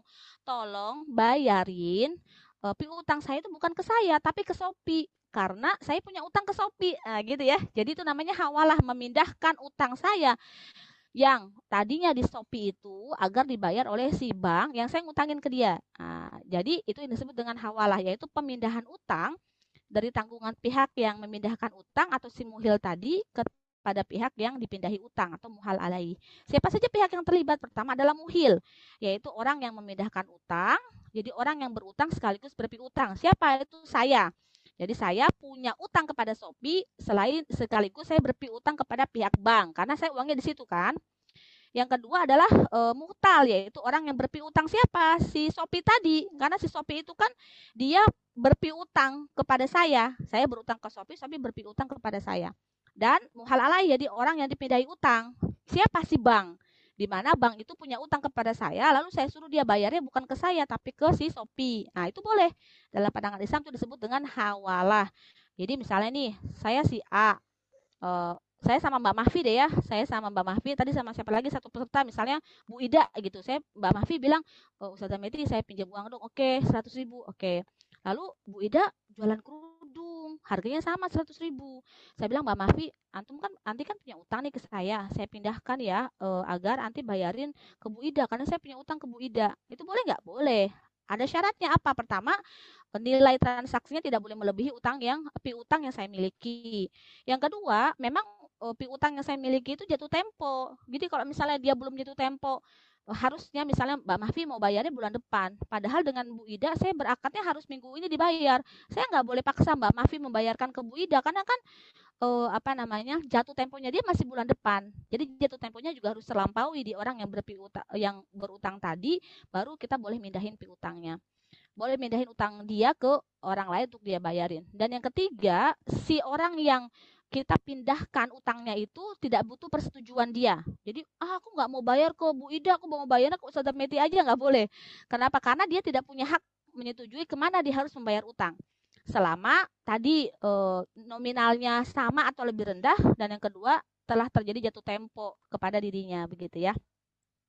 Nah itu contohnya ya, ini saya kasih contoh ya Pak Joko.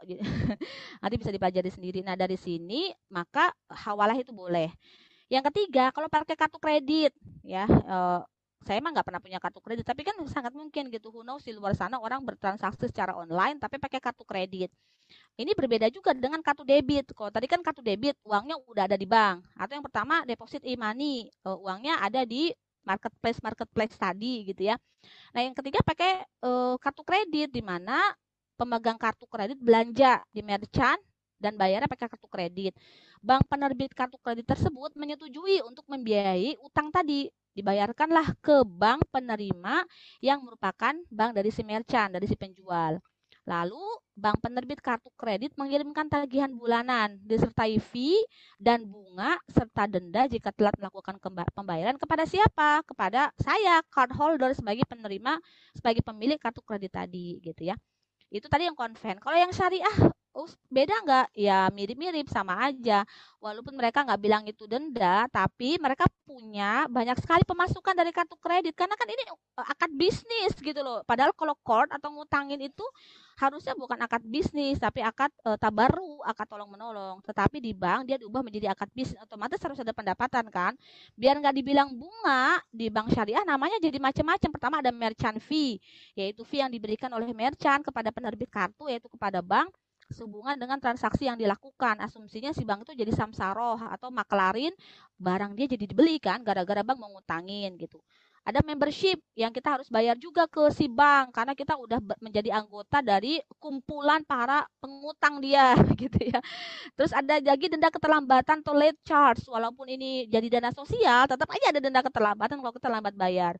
Ada fee penarikan uang tunai. Kan kartu kredit juga bisa untuk narik tunai. Itu juga ada fee-nya. Padahal itu kan utang bukan uang uang kita sendiri. Nah, itu tetap bagi bank ada fee-nya.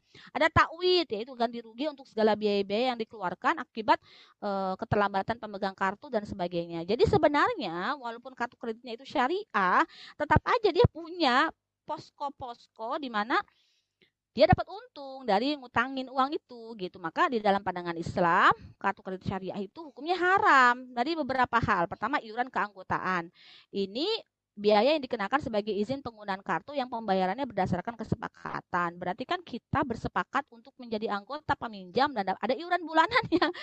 Kan nggak masuk akal gitu. Jadi kita meminjam tapi kita iuran juga ke dia kepada orang yang minjemin. Ini niat minjem apa niat mentung begitu ya. Besarannya meningkat semakin besarnya tagihan. Ini semakin nggak masuk akal. Jelas-jelas ini eh, apa namanya? Bentuk uh, apa ya bisa saya katakan hmm, manipulasi gitu jadi agar nggak disebut riba. Padahal sebenarnya transaksinya ya transaksi ribawi. Merchant fee gitu apakah benar si bank ini menjadi makelar? Kan pada faktanya kan yang milih kan bank nggak pernah woro-woro ini loh merchant ini bagus merchant ini bagus. Kan nggak gitu. Bank secara otomatis saja gitu membayarkan utang kita ke merchant-merchant itu karena kita memang sudah jadi pemegang kartu kredit yang dia keluarkan denda keterlambatan, fee penarikan uang tunai dan takwid semua itu modusnya walaupun pengennya nggak disebut riba tapi sebenarnya hakikat pelaksanaannya adalah hakikat e, transaksi ribawi begitu ya. Nah, jadi banyak banget titik kritisnya kartu kredit e, yaitu adanya bunga ya e, dan denda mungkin bisa dihindari dengan bayar tepat waktu, tetapi e, berbagai e, pendapat mengatakan bahwa tarikan-tarikan tadi itu tetap saja sebenarnya dia adalah e, modus-modus yang sama dengan e, bunga begitu. Nah, e, Ibnu mengatakan setiap utang ini dalamnya ada tambahan maka itu haram dalam kitab Al-Mughni ya. Jadi kalau termasuk Ibnu Taimiyah juga berkata bahwa pemberi utang jika dia mensyaratkan adanya tambahan atas utang yang diberikan maka dia juga haram. Nah, ini mungkin uh, apa sekilas materi yang dapat saya berikan. Uh, nanti saya kirim materinya ke ini ya, ke panitia. Saya kembalikan kepada Mbak Mahfi, mohon maaf atas masuk keluarnya saya dari Zoom. Baik. Alhamdulillah telah kita simak bersama Iya, Fikih Muamalah dari Ustaz Ahmad Astuti yang Masya Allah luar biasa sangat menambah wawasan kita ya teman-teman. Terima kasih kami ucapkan kepada Ustaz Ahmad Astuti yang telah memaparkan materi. Sesi selanjutnya yaitu sesi tanya jawab. Uh, ini udah ada beberapa pertanyaan yang masuk nih Us. Uh, saya bacakan gitu Us. Boleh. Uh, yang pertama, kan tadi Ustazah menyebutkan minimal syarat salah satu syarat jual beli tadi adalah dewasa Mayis. atau umur hmm, kurang ya, lebih tujuh tahun ya usia. Nah ini ada yang uh, ketika ya. berumur empat tahun sudah melakukan beli beli karena udah sekolah itu tetap masuk standar mengerti jual beli kan ya Mas? Uh, kalau saya hemat saya belum. Karena di kitab fikih anak karangan uh, Profesor Huzaimah Hidoyanggo almarhumah juga beliau uh, mensarikan dari berbagai pendapat fikih ya seputar anak rata-rata tamis itu tujuh tahun, tujuh tahun ke atas. Di bawah itu ada tapi langka gitu. Jadi berarti dia harus hmm. sudah mengenal uang, harus sudah mengenal berapa kembalian ya berarti bisa berhitung juga. Ya kalau empat tahun kan uh, terlalu kecil itu terlalu kecil. Nggak paham dia berbagai konsekuensi atas jual beli tersebut. Misalnya disuruh beli apa lalu jadi apa atau kembaliannya berapa. Mungkin secara terbatas dia paham ini uang seribuan. Tapi kalau kembaliannya berubah dan sebagainya. Jadi menurut hemat saya belum sah. Empat tahun terlalu kecil. Mungkin kalau enam hampir ke tujuh dalam beberapa uh, kesempatan saya melihat ada yang sudah paham. Termasuk anak saya itu relatif cepat sekali tamiznya karena punya kakak-kakak banyak sehingga dia terlatih untuk uh, biasanya jajan awalnya ngikut kakaknya lama-lama ngerti gitu loh uangnya sekian harus kembali sekian dan itu pun dia terbatas untuk barang-barang jajanan yang dia pahami. Kalau di luar itu juga nggak paham berarti juga nggak boleh begitu. Oh yes. jadi tetap harus paham uh, ini ya ya antara masuk dan kembalian gitu Iya, berarti semua hal yang berhubungan dengan akad jual beli tadi, mulai dari barangnya, harganya, ijab kabulnya, itu harus dipahami. Kalau empat iya. tahun kan belum paham, kadang kan dia masih terbatas sekali maklumatnya kan.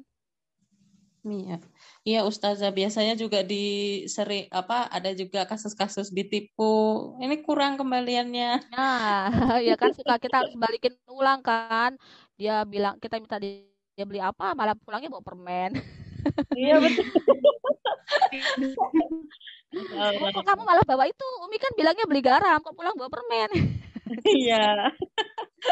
Begitu. Uh, selanjutnya di sini ada pertanyaan lagi dari Mbak Ismi Puput. Uh, Mbak Ismi Puput bertanya berarti jualan online itu mereka posting di status WA tetapi barang belum ready. Nah pembeli udah pesan tapi bayarnya pas barang udah ada itu nggak boleh ya Ustazah. Mohon penjelasannya seperti itu. Iya kalau barang belum ready hanya ada dua alternatif akad. Pertama alternatifnya akad salam. Kalau akad salam uang harus masuk duluan atau akad makelar ya. Kalau akad makelar berarti akadnya akad dia menjualkan barang milik orang lain. Nah, kalau menjualkan barang milik orang lain berarti memang akan terjadi kalau barang tersebut benar-benar dikirim kepada orang itu dan orang itu membayarnya. Jadi dia tidak boleh berposisi sebagai penjual. Kalau barang tidak ada. Kalau mau pakai akad maklar ya, berarti akad maklar konsekuensinya apa? Konsekuensinya kalau barang mau dikirim, barang tidak boleh dinamakan atas nama si maklar. Karena kan dia bukan pemilik barang. Harus dikirim atas nama supplier. Yang kedua dari sisi harga, si maklar tidak boleh e, menentukan harga kecuali atas izin si e, supplier tadi atau si pemilik barang. Itu dua konsekuensi itu harus kita pahami. Kita mau berakad dengan akad apa gitu. Kalau barangnya belum ready ya, mau sebagai akad maklar dengan berbagai konsekuensi atau menggunakan akad salam dengan berbagai konsekuensi. Kalau menggunakan yang ketiga tadi misalnya bayar pas barang ready berarti itu baru janji membeli, belum akad gitu. Boleh nggak ya? Boleh saja namanya orang janji tapi aku beli ya. Kalau barang udah ada berarti akadnya diulang. Ditanyai lagi, kamu jadi beli nggak yang kemarin kamu pesan gitu. Berarti sebenarnya akadnya adalah saat e, barang datang itu gitu. Jadi itu baru janji membeli, belum benar akad. Hmm, berarti seperti Shopee yang COD itu, yang dia datang ke datang dulu barangnya itu sebenarnya tidak apa-apa tapi hanya saja uh, jual akad jual belinya itu saat kita sudah membayar seperti itu. Iya di tempat akad jual belinya saat si kurirnya datang. Masalahnya kan biasanya kalau seperti itu apa kita boleh membatalkan. Oh dibuka aja nggak boleh kok. Beberapa iya, ekspedisi yeah. kan COD nggak boleh dibuka. Padahal dalam pandangan Islam yeah. harusnya barangnya dicek karena kita memeriksa hmm. barangnya sesuai nggak dengan yang kita pesan. Padahal kan ekspedisi hmm. bilang kan ada tuh yang viral nggak boleh dibuka, dibuka nggak sama yeah. uh, harus dibayar itu nggak sesuai dengan COD yang seharusnya di dalam Islam. Makanya oh. pastikan si toko itu paham, termasuk pastikan si ekspedisi punya term and condition itu. Itu kayaknya sangat ber tergantung ekspedisinya juga sih. Ada ekspedisi yang membolehkan dibuka untuk dilihat barangnya. Ada ekspedisi pokoknya kalau diantar uang kasih ke ekspedisi itu karena bayangannya ekspedisi itu udah nalangin atau saya nggak paham ya mekanisme internal dari si ekspedisi sampai kepada marketplace dan si merchant tadi gitu. Intinya kalau COD hmm. akad itu di tempat saat barang ada uh, uh, apa namanya cash and carry sebenarnya ya. Jadi ada uang ada barang gitu. Karena nggak boleh kalau udah akad sebelumnya berarti itu kan uang belakangan barang belakangan tuh nggak sah itu. Gitu. Lalu untuk penggunaan fitur refund ketika barang tidak sesuai itu bagaimana nih, Us? Boleh, boleh, boleh. Karena hak hiar itu ada dua. Pertama hak hiar saat majelis belum selesai. Jadi masih tawar-menawar, masih uh, prospek gitu ya. Kita di prospek lah misalnya, uh ada ada sales gitu. Bu gini gini gini. Nah, itu selama belum berakhir uh, majelisnya kita boleh memutuskan nggak membeli. Atau yang kedua, boleh juga sudah terjadi jual beli. Berarti kan akadnya udah sah sebenarnya ya. Tetapi hak hiar tetap dimiliki oleh si pembeli kalau pertama, si penjual tidak mampu mendatangkan barang sesuai dengan janji yang diberikan pada akad salam. Yang kedua pada akad jual beli tunai, jadi barang udah masuk eh, uang udah masuk barang datang belakangan karena memerlukan proses pengantaran itu juga tetap dianggap sebagai akad jual beli tunai, tetapi barang tidak sesuai dengan kualifikasi atau literasi produk yang dia janjikan. Itu juga boleh kita bahkan eh, dalam pandangan Islam itu tidak boleh digantikan oleh barang lain, tetapi akadnya dibatalkan dulu, uangnya dibalikin dulu, eh, barangnya dikembalikan lagi, baru nanti kalau mau berakad berakad ulang gitu ya ya. Jadi tidak boleh misalnya uh, saya tambahin uang ya biar kamu mau sama barang yang cacat tadi itu nggak boleh dalam pandangan Islam. Karena itu harusnya akad pertama dibatalkan dulu. Jadi harus direfund dulu hmm. barang dikirimkan kembali ke mereka baru kita bertransaksi ulang. Atau yang kedua kita meridoi ya udahlah nggak apa-apa uh, saya terimalah barangnya cacat gini itu nggak apa-apa juga. Jadi si pembeli ada dua uh, ada dua khiar. Pertama dia minta refund berarti barang dikembalikan uang kita milik kita lagi. Atau yang kedua dia meridoi e, barang yang cacat tadi dalam proses jual beli tadi itu juga boleh. Hmm, jadi memang okay. lebih aman jika pe, uh, apa namanya untuk transaksinya yang ada di e-commerce itu kalau kita bayar dulu dengan dengan transfer bank atau itu ya Ustazah ya lebih aman di situ mungkin ya Ustazah uh, menurut saya tergantung komitmen toko ya. Kadang kan ada toko yang dia tuh uh, berbusa-busa gitu ya, melakukan uh, bisa saya katakan apa ya, uh, baffling gitu ya.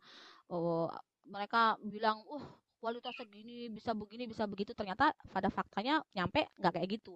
Maka nanti kita hmm. bahas tentang hukum iklan di dalam Islam gitu. Iklan itu nggak boleh nggak uh, boleh claiming sesuatu yang overestimate harusnya ada bukti gitu. Atau kalau misalnya dia kualitas produk ya harus sama literasinya dengan aslinya. Atau kalau foto dia harus jelaskan bahwa warna produk itu 90% mirip dengan warna asli karena ada faktor pencahayaan misalnya gitu. Jadi kelihatan lebih cerah murah di foto padahal aslinya mungkin lebih buram. Karena kalau di foto kan pakai cahaya tambahan. Gitu. Makanya kadang kita suka ngerasa suka suka ngejek kan ih kalau dipakai modelnya kok cakep ya? Kalau kita pakai dipakai kita kok tenggelam ya? Gitu kan nggak nggak glowing gitu kalau kita yang pakai. Nah itu kan sebenarnya karena si penjual nggak bilang bahwa ada ada deviasi gitu ya, ada ada apa sedikit pergeseran dari kualitas uh, yang difoto dengan asli. Itu harus diterangkan itu. Kalau enggak nanti masuk kategori uh, apa namanya? tadlis, ada penipuan terhadap kualitas barang. Itu hukumnya haram, upaya atau keuntungan yang didapatkan begitu. Jadi ini tergantung tokonya, tokonya trusted enggak gitu loh. Uh, ya rata-rata okay. kalau di e-commerce kan mereka sangat bergantung kepada review ya. Itu penting sekali untuk melihat reviewnya toko ini kredibilitasnya bagus apa enggak gitu loh.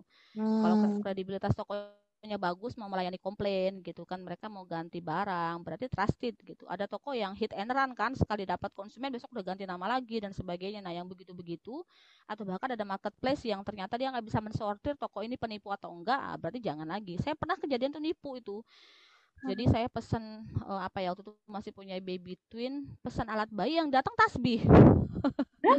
Astagfirullah. Saya bilang kok bisa sih gitu loh harganya berapa ya? Hampir 150 atau hampir 200 gitu. Wah subhanallah itu benar-benar penipuannya. Tapi saya uh, pas saya cari lagi tokonya tuh udah nggak ada betul. Jadi saya lupa tuh dulu marketplace-nya apa. Awal-awal punya twin waktu sekitar tiga tahunan yang lalu ya. Saya belum pandai juga mencari toko yang kredibel tuh seperti apa gitu waktu itu. Hmm. biasa kan kita keluarga murah ada diskon-diskon gitu kayak panas pengen beli. Jadi iya. pembelian secara emosional ternyata Allah ngasih pelajaran gitu. Iya. tokonya uh, hit and run bener tiba-tiba udah ganti aja nggak ada tokonya lagi lagi. Jadi saya mau komen di situ tuh nggak bisa gitu loh. Hmm, baik ustazah. Masya allah. kebetulan untuk pengiriman dari luar negeri juga itu biasanya agak banyak masalah itu. Oke, Us. Untuk pertanyaan selanjutnya, Us, ini bagaimana dengan hukum hutang tanpa bunga dan menggunakan jaminan misalkan not atau kalung? Dan hukum menggunakan Shopee Pay, GoPay yang harus isi ulang dulu baru bisa karena harga diskon. Begitu, Mas? Yang pertama memanfaatkan barang uh, utang ada barang jaminan namanya gadai. Jadi bukan lagi masuk kategori hmm. tapi kategorinya rohan kategorinya rohan. Kalau barang gadai itu karena uang yang dipinjam, bukan uh, bukan utang yang muncul karena utang dagang. Utang dagang misalnya kayak kita kredit, berarti kan ada utang tuh. Nah, utang itu namanya dain, bukan cord gitu ya. Nah, kalau utangnya itu karena utang uang dan ada jaminan namanya rohan, maka hukumnya haram untuk memanfaatkan barang jaminan. Baik itu diizinkan oleh pemilik barang maupun tidak. Pemanfaatan barang jaminan atas uh, utang uang itu hukumnya haram masuk dalam kategori riba uh, nasiah begitu. Tetapi kalau barang jaminan itu karena proses utang bukan utang uang, tapi utangnya misalnya uh, tadi jual beli kredit gitu kan, berarti kan muncul utang tuh. Uh, lalu si orang yang jual beli gini, kamu kan beli ke aku barang mahal nih, misalnya harga 10 juta uh, alat penyaring air gitu. Aku minta dong jaminan biar aku yakin kamu bakal nyicil. Dikasihlah motor sebagai jaminan. Maka kalau motor itu diizinkan oleh pihak si pemilik untuk dipakai oleh si uh, orang yang memberikan utang ini, maka boleh karena karena barangnya di situ bukan barang gadai atas utang uang, tetapi atas utang dagang. Utang itu macam-macam ya. Jadi uh, ada utang mahar, ada utang dagang gitu, ada uh, apa namanya? utang nafkah. Itu beda-beda gitu konsekuensi hukumnya. Tetapi kalau yang tadi dimaksud utang uang, maka nggak boleh barangnya itu dijadikan dimanfaatkan. Itu yang pertama.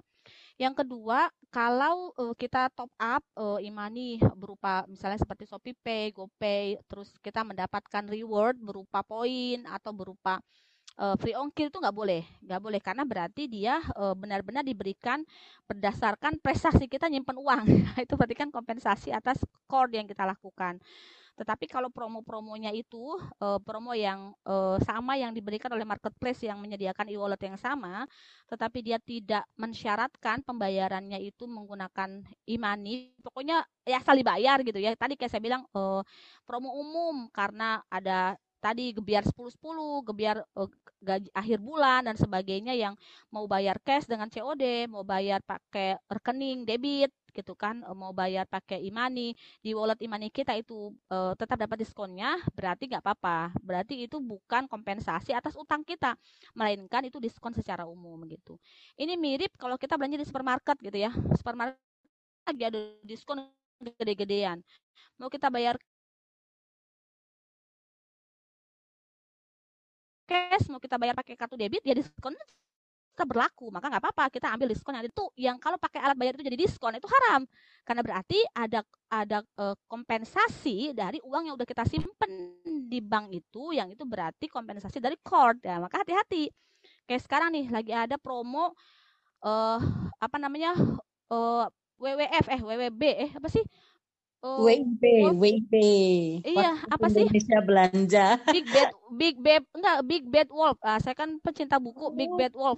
Uh, apa? BBW.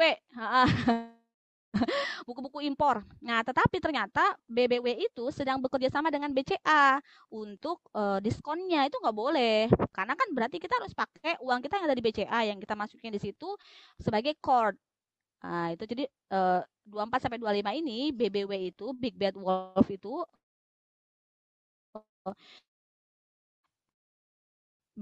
Big Bad Wolf ID atau apa ya. Si diskon gede-gedean, ada yang harganya ratus ribu cuma jadi sembilan ribu. Eh, saya kan tertarik banget tuh karena beberapa buku anak-anaknya kan bagus kayak stiker-stiker gitu kan buat kreativitas anak-anak. Anak saya suka banget yang harusnya dipakai sebulan sehari langsung selesai nggak cuma sehari sejam. Padahal itu sekian puluh halaman gitu karena mereka suka banget eh, pindah-pindahin stiker itu. Ternyata itu harus pakai entah itu debit BCA, entah itu kartu kredit BCA itu nggak boleh karena si BBW ini bekerja sama dengan uh, bank yang ada duit kita di situ sebagai akad cord gitu. Tapi kalau BBW-nya ngasih diskon dan dia bilang Anda mau pakai alat bayar apa aja nggak masalah, kami memang lagi kasih diskon, maka boleh kita ambil diskonnya gitu. Jadi harus hati-hati di situ.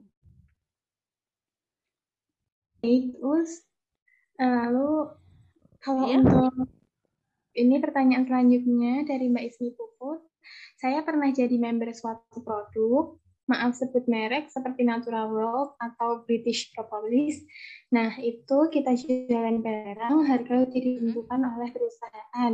Jika kita jual kurang atau lebih dari harga perusahaan, maka kita akan diblok dari perusahaan. Nah, itu bagaimana, Nggih, Us? Kan kita udah ada stok barang. Gitu, Us? Nah, uh, ini ini hukumnya hukum tas air. Tas air itu hukum menetapkan harga. Jadi intinya kalau kita sudah menjadi pemilik barang itu, pihak penjual pertama di mana kita kulaan tidak lagi punya hak untuk menentukan berapa harga barang harus kita jual. Hmm. Kenapa? Karena itu barang udah jadi milik kita. Maka kita mau jual sesuai harga yang dia rekomendasikan, mau di bawah itu, mau di atas itu nggak ada masalah. Dalam Islam hukum tas air itu haram. Negara tidak boleh menentukan harga eceran tertinggi atau harga pokok produksi. Itu malah merusak pasar gitu. Makanya Rasulullah ketika didatangi para sahabat untuk menetapkan harga di musim paceklik, Rasulullah nggak mau. Para sahabat juga nggak mau. Yang mereka lakukan justru melakukan operasi pasar, mendatangkan barang banyak, lalu dibagikan gratis dan sebagainya, sehingga terjadi uh, keseimbangan harga barang, uh, apa harga jual barang dan harga beli barang, bukan merusak dengan cara menetapkan harga. Karena itu berarti mengambil hak si penjual yang sudah memiliki barang untuk menetapkan berapapun harga yang dia mau begitu. Jadi kalau saya ngelihat itu fasad, itu syarat yang rusak, yaitu si penjual pertama yang sebenarnya sudah kehilangan hak atas barang itu tetap nguntit si barang untuk minta dijual dengan harga tertentu itu nggak boleh. Kalau sifatnya rekomendasi tidak mengikat mungkin masih dapat ditolerir ya. Tetapi sebenarnya juga nggak perlu juga karena kan dia udah nggak punya barangnya. Kita kan belinya tunai, berarti barang itu sudah pindah kepemilikan menjadi barang kita. Ya harusnya nggak boleh tetapin lagi tuh harganya gitu. Jadi itu adalah menurut saya sebuah kezaliman karena dia mengambil hak dari si penjual yaitu pemilik barang tadi untuk menjual dengan harga berapapun yang dia suka. Memang nanti di dalam Islam ada pembahasan tentang goban fahish. Jadi goban fahish itu kita mengambil e, harga terlalu tinggi, e, mengambil keuntungan terlalu tinggi dan mengambil atau terlalu rendah. Nanti di dalam Islam goban fahish itu haramnya kalau ada e, ini apa namanya disinformasi e, terhadap barang dagangan. Misalnya kita sengaja sembunyiin harga pasar sehingga orang misalnya kayak saya di Jogja ya teman-teman cari bakpia. Saya bilang Wah, bakpianya 100 ribu itu tuh murah banget loh di tempat saya. Kalau ibu beli di tempat lain 200 ribu. Karena saya nggak paham, saya orang Jakarta, saya belilah. Ternyata harganya cuma 25 sampai 50 gitu, nggak sampai 100 ribu. Maka keuntungan yang didapatkan orang itu itu namanya goban fahish dan haram. Karena dia menutupi harga pasar. Nah, itu goban fahish. Tetapi kalau keuntungan didapatkan karena kemampuan menjual jadi dia jago nawarin gitu ya. Dia nggak nutupin harga sehingga kadang-kadang dia bisa dapat harga lebih tinggi kadang-kadang lebih dapat harga lebih rendah. Maka boleh. Itu bukan goban fahish berarti kan si penjual boleh aja dia nawarin ke seseorang seratus ribu. Orang ini orang kaya nih gak ditawar sama sekali langsung dibeli ada lagi nawaran 100 ribu ditawar sampai 50 juga dikasih. Nah, itu nggak apa-apa karena si penjual kan tidak menutupi harga pasar. Orang itu dikasih tahu ya bu memang di tempat lain juga harganya segini tetapi ya di tempat saya mungkin ini fresh dan sebagainya. Maka nggak terjadi goban fahish gitu. Jadi memang ada kategori uh, apa mengambil keuntungan itu diharamkan. Tapi kalau ada disinformasi terhadap barang, ada yang ditutupi dari barang itu. Kalau enggak, itu hak si penjual untuk membeli dan untuk menjual berapapun kalau barang itu sudah jadi milik dia begitu. Jadi kalau menurut saya itu syarat yang tidak e, berlaku di mata syariat. Jadi tidak ada konsekuensi hukum sama sekali. Karena orang yang menyampaikan syarat itu tidak memiliki barangnya lagi gitu. Ngapain oh, dia udah jual kok dia masih ngikut-ngikutin harga harus sekian-sekian itu nggak boleh. Kalau alasannya karena agar nggak uh, terjadi persaingan kotor dan sebagainya, menurut saya dibina saja pen, uh, para anggotanya gitu dengan cara berjualan yang baik dan sebagainya, bukan dengan cara tasir atau penetapan harga. Itu rekomendasi saya. Mungkin satu pertanyaan lagi ya, Us ya. Silakan. Oke, apabila menjual Izin bertanya, Us, dari Puji Dwi Hayati, apabila menjual barang dengan pembayaran bisa dicicil selama, selama beberapa kali cicilan, namun harga barang jadi tiga kali lipat dibanding ketika membayar lunas langsung, apakah transaksi jual belinya sah? Sah, sah. Kenapa? Karena uh, yang penting kita menggunakan satu harga, harga cicilan atau harga lunas. Jangan sampai udah ditetapkan harga cicilan tengah jalan kita punya tunai, lalu diubah deh akadnya jadi tunai padahal sudah disepakati akad cicilan itu nggak boleh. Jadi sepakati satu harga. Mau lunas maka bayar lunas. Jangan udah lunas ternyata eh aku ternyata nggak punya uang ya minggu depan. Ya oh, berarti gue saja nyicil. Lah tapi kok dia minta harga tunai itu nggak boleh. Jadi pastikan harga mana yang mau disetujui satu harga itu tunai apa harga kredit. Maka konsekuensinya diambil. Kalau tunai berarti harus dibayar makanya dia lebih murah. Kalau kredit maka lebih mahal. Karena tentu saja ada uang yang harus ditahan terlebih dahulu kan tidak bisa dimanfaatkan oleh si penjual begitu. Nggak apa apa asal satu harga itu yang berlaku. Gitu jangan uh, berbeda-beda begitu. Lalu untuk fitur Shopee Pay Later seperti itu termasuk hutang atau bagaimana gitu Iya, Shopee Pay Later itu mirip kartu kredit, berarti dibayarin dulu sama Shopee-nya, maka tidak boleh ada uh, tambahan apa pun dari utang yang diberikan gitu. Misalnya ada uh, ada uh, fee membership, ada fee telat, ada fee A itu nggak boleh. Nah, saya nggak paham di Shopee Pay Later itu ada bunga kan? Udah pasti itu kayaknya di Shopee Pay Later ada bunganya deh. Saya kemarin sempat lihat. Iya, iya, bisa ada. Yeah. Hmm, ada bunganya nggak boleh dong. Udah pasti haram lah kok ada bunganya. Ada fee admin kalau nggak salah. Ah, ada fee admin kan? Itu biasanya kan juga diakumulasikan sesuai dengan besarnya transaksi ya. Tambah-tambah lagi itu. Itu berarti bukan administrasi, itu bunga. Dinamain aja fee admin biar kelihatan bukan riba. Sebenarnya transaksinya transaksi ribawi begitu. Waduh. Oh ini masih ada satu pertanyaan, Misal kalau kita dapat hadiah undian dan yang kita simpan uang di situ, itu boleh juga ya Us? Dapat undian dari uang yang disimpan nggak boleh dong. kita kan bisa dapat undiannya karena nomor kita itu nabung di situ nggak boleh. Ya sama aja itu hadiah dari uang yang kita simpan nggak boleh kalau uh, apa namanya setiap manfaat dari dana yang kita simpan, setiap manfaat dari cord itu hukumnya jadi riba nasi ya, hukumnya haram. Tidak boleh diambil. Oh, okay, okay. Ini satu pertanyaan lagi nggak, Us?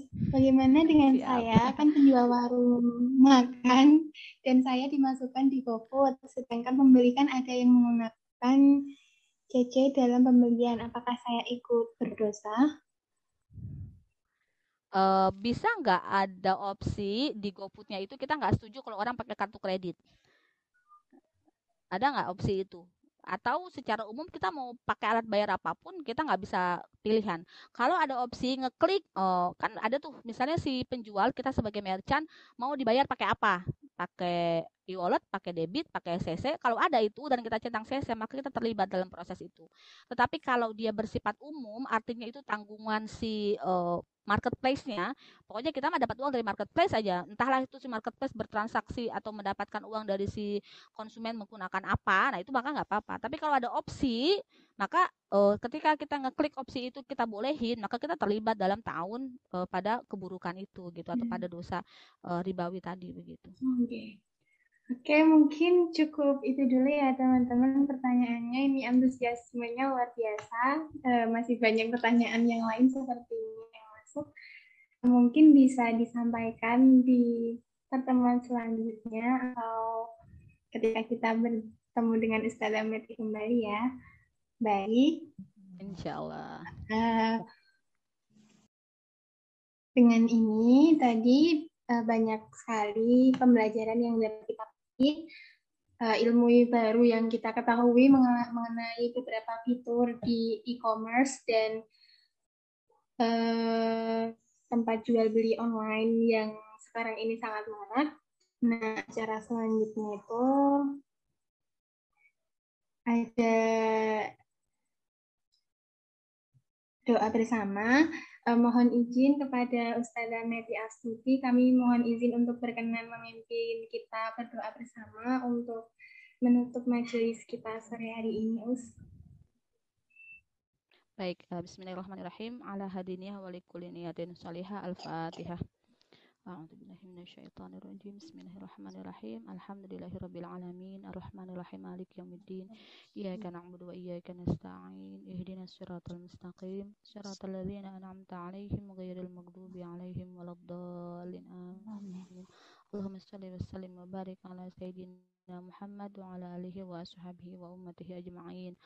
Allahumma inna nas'aluka salamatan fid din wal afiyatan fil jasad wa ziyadatan fil ilmi wa barakatan fi rizqi wa taubatan qabla al maut wa rahmatan 'inda al maut wa maghfiratan ba'da al maut. اللهم هون علينا في سكرات الموت والنجاة من النار والعفو عند الحساب. ربنا تقبل منا إنك أنت السميع العليم وتب علينا إنك أنت التواب الرحيم. اللهم هب لنا من أزواجنا وذرياتنا قرة أعين واجعلنا للمتقين إماما. اللهم اغفر لنا ولوالدينا وللمؤمنين يوم يقوم الحساب اللهم اغفنا بحلالك عن حرامك واغننا بفضلك عمن سواك اللهم ارزقنا حلالا طيبا مباركا طالبا غير مطلوب وغالبا غير مغلوب اللهم حاسبنا حسابا يسيرا اللهم آمنا بما أنزلت وتبعنا الرسول واكتبنا مع الشاهدين اللهم أرنا الحق حقا وارزقنا اتباعه وأرنا الباطل باطلا وارزقنا اجتنابه. اللهم إنا نسألك علما نافعا ورزقا واسعا وعملا متقبلا وشفاء من كل داء وسقم. اللهم إنا نعوذ بك من الهم والحزن ونعوذ بك من العجز والكسل ونعوذ بك من الجبن والبخل wa na'udzu bika min ghalabatid daini wa qahri rijal. Allahumma inna na'udzu bika min ilmin la yanfa' wa min qalbin la yakhsha wa min nafsin la tashba' wa min da'watin la yustajabu laha. Allahumma inna nas'aluka ridhaka wal jannah wa na'udzu bika min sakhatika wan nar. Allahumma innaka 'afuwun karim tuhibbul 'afwa fa'fu anna. Allahumma la tuzigh qulubana ba'da idh hadaitana wa hab lana min ladunka rahmah innaka antal wahhab. Allahumma auzi'ni ala ni'matika التي أنعمت علي وعلى والدي وأن أعمل صالحا ترضاه وأصلح لي في ذريتي اللهم أعيني على ذكرك وشكرك وحسن عبادتك ربنا آتنا في الدنيا حسنة وفي الآخرة حسنة وقنا عذاب النار سبحان ربك رب العزة عما يصفون وسلام على المرسلين والحمد لله رب العالمين العفو منكم السلام عليكم ورحمة الله وبركاته وعليكم السلام ورحمة الله وبركاته